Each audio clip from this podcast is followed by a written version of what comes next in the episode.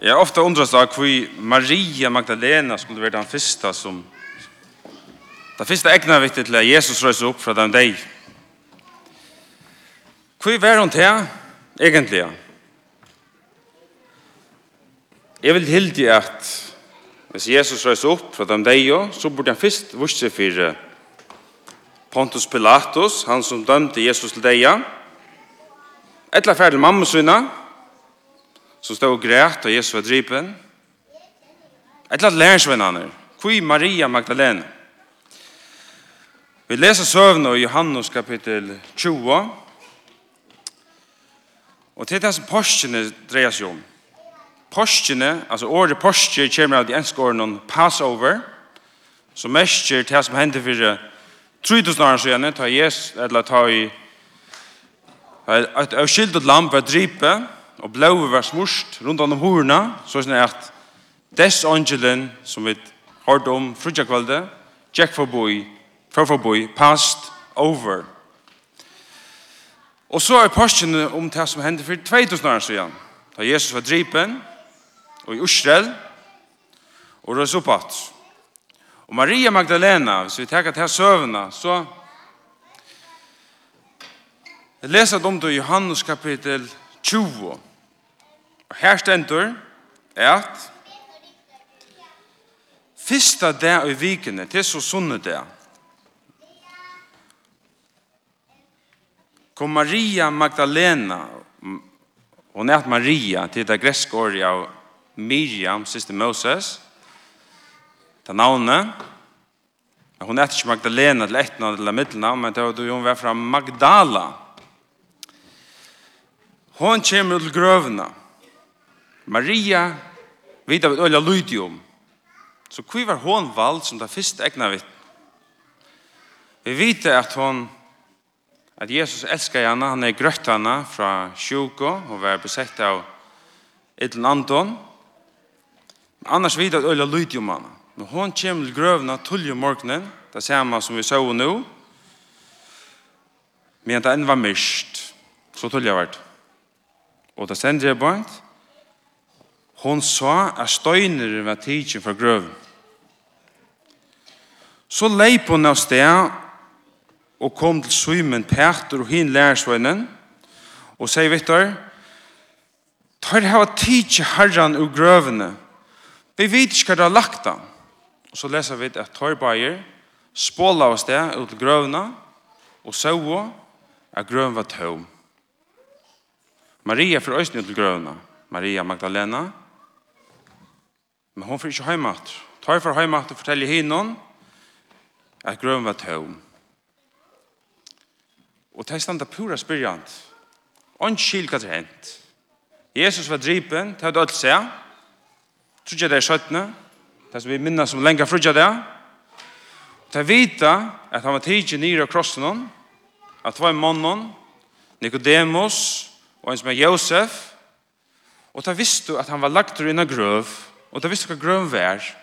Nå kommer Maria og en av kvinner og ut til grøvene, og så er det i tøm. De tror ikke Jesus var risen opp. De sa bare grøven var tøm. Og det stender Maria her i vers 11, Johannes 20.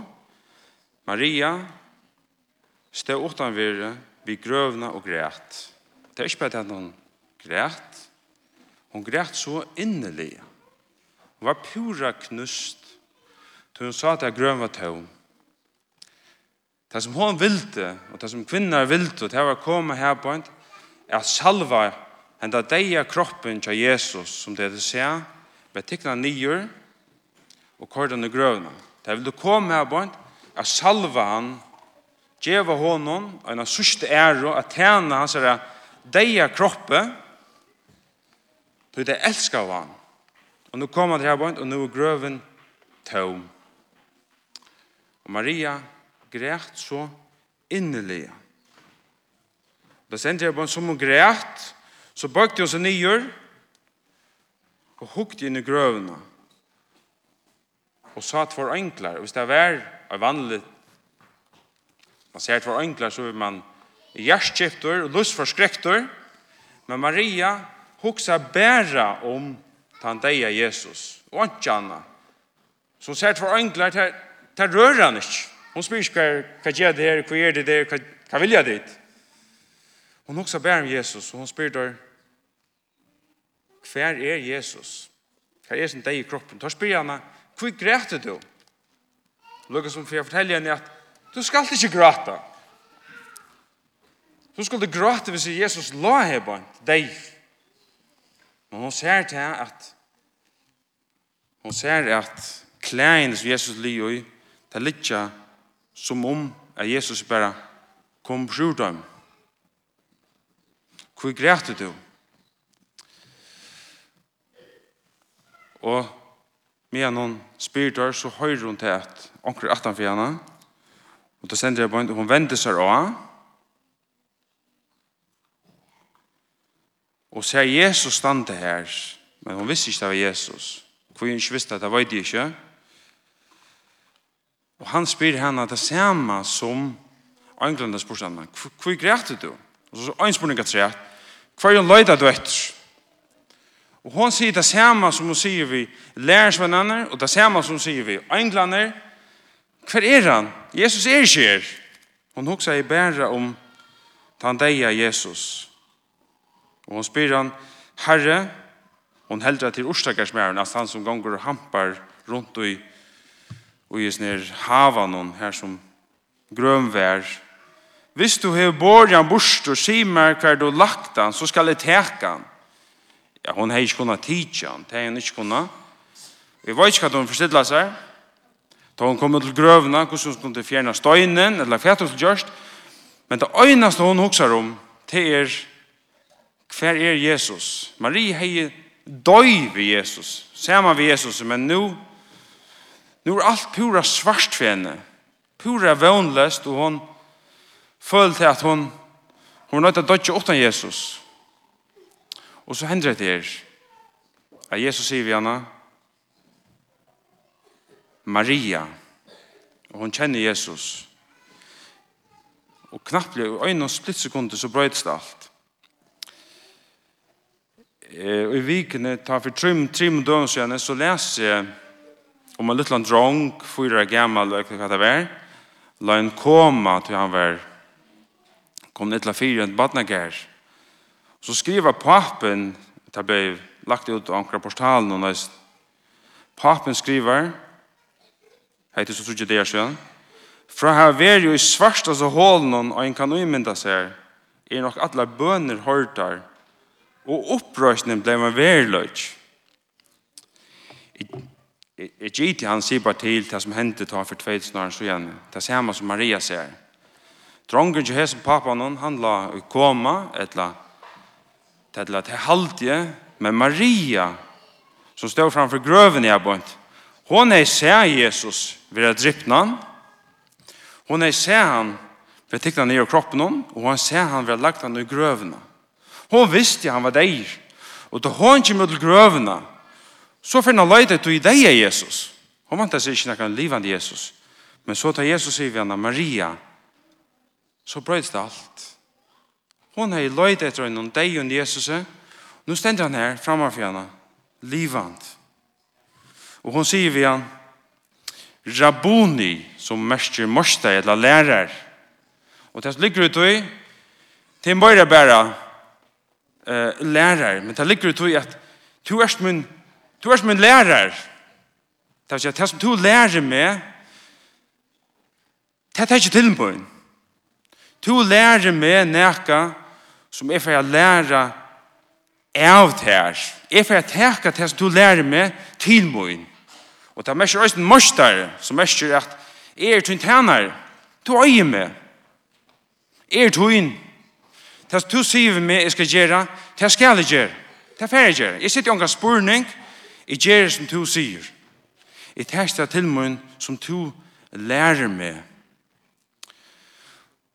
Og vi leser oss til at hun atler seg at, at leip om holsen av Jesus. Men han sier vi, vi henne, nem ikke vi med.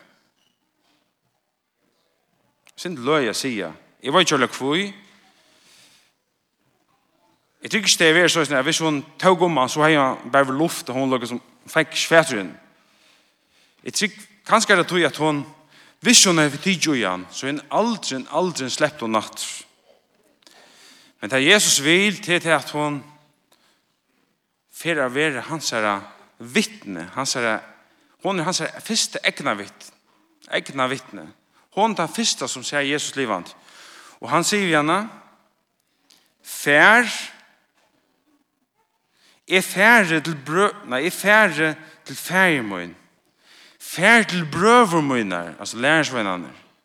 Og fortell hon, fortell tøymon at det er færre til færgemøyen. Han har sagt vidt der fløyre for åren. Jeg færre heim til færgemøyen, at gjør en bostad til henne. Og nå begynner det å gjenge opp for henne. Mario, hon løyde etter en deg og Jesus, nå ser han en livande Jesus, nå ser det, nå begynner det å gjenge opp for henne at at han er vunnet av grøvene, han er vunnet av deianon, han er vunnet av syndene, det er sånn, han lever, og jeg kan leve, fær og fortell til for brøv og munnen, og han var det bare viner og lærersvenner, som Jesus kallar jeg, er lærersvennerne, men nå er det brøv og munnen, fær og vær mot vittne, og så stender det i vers 18, Maria Magdalena, fær, og sier lærersvenn, jeg har se herra. Hun vet det første vittne. Jeg har se herre». Og så atle spør hun ikke, hvor var Maria Magdalena det første som sa Jesus ristene?» Ja, jeg vet ikke. Jeg vet ikke. Men hvor ikke? Hun vet det første vittne. Hun er opprørsende. Til det vi minnes nå av påsken, at Jesus døg og røs opp at han lever for vi skulle leve. Det er det som Porschen dreier seg om.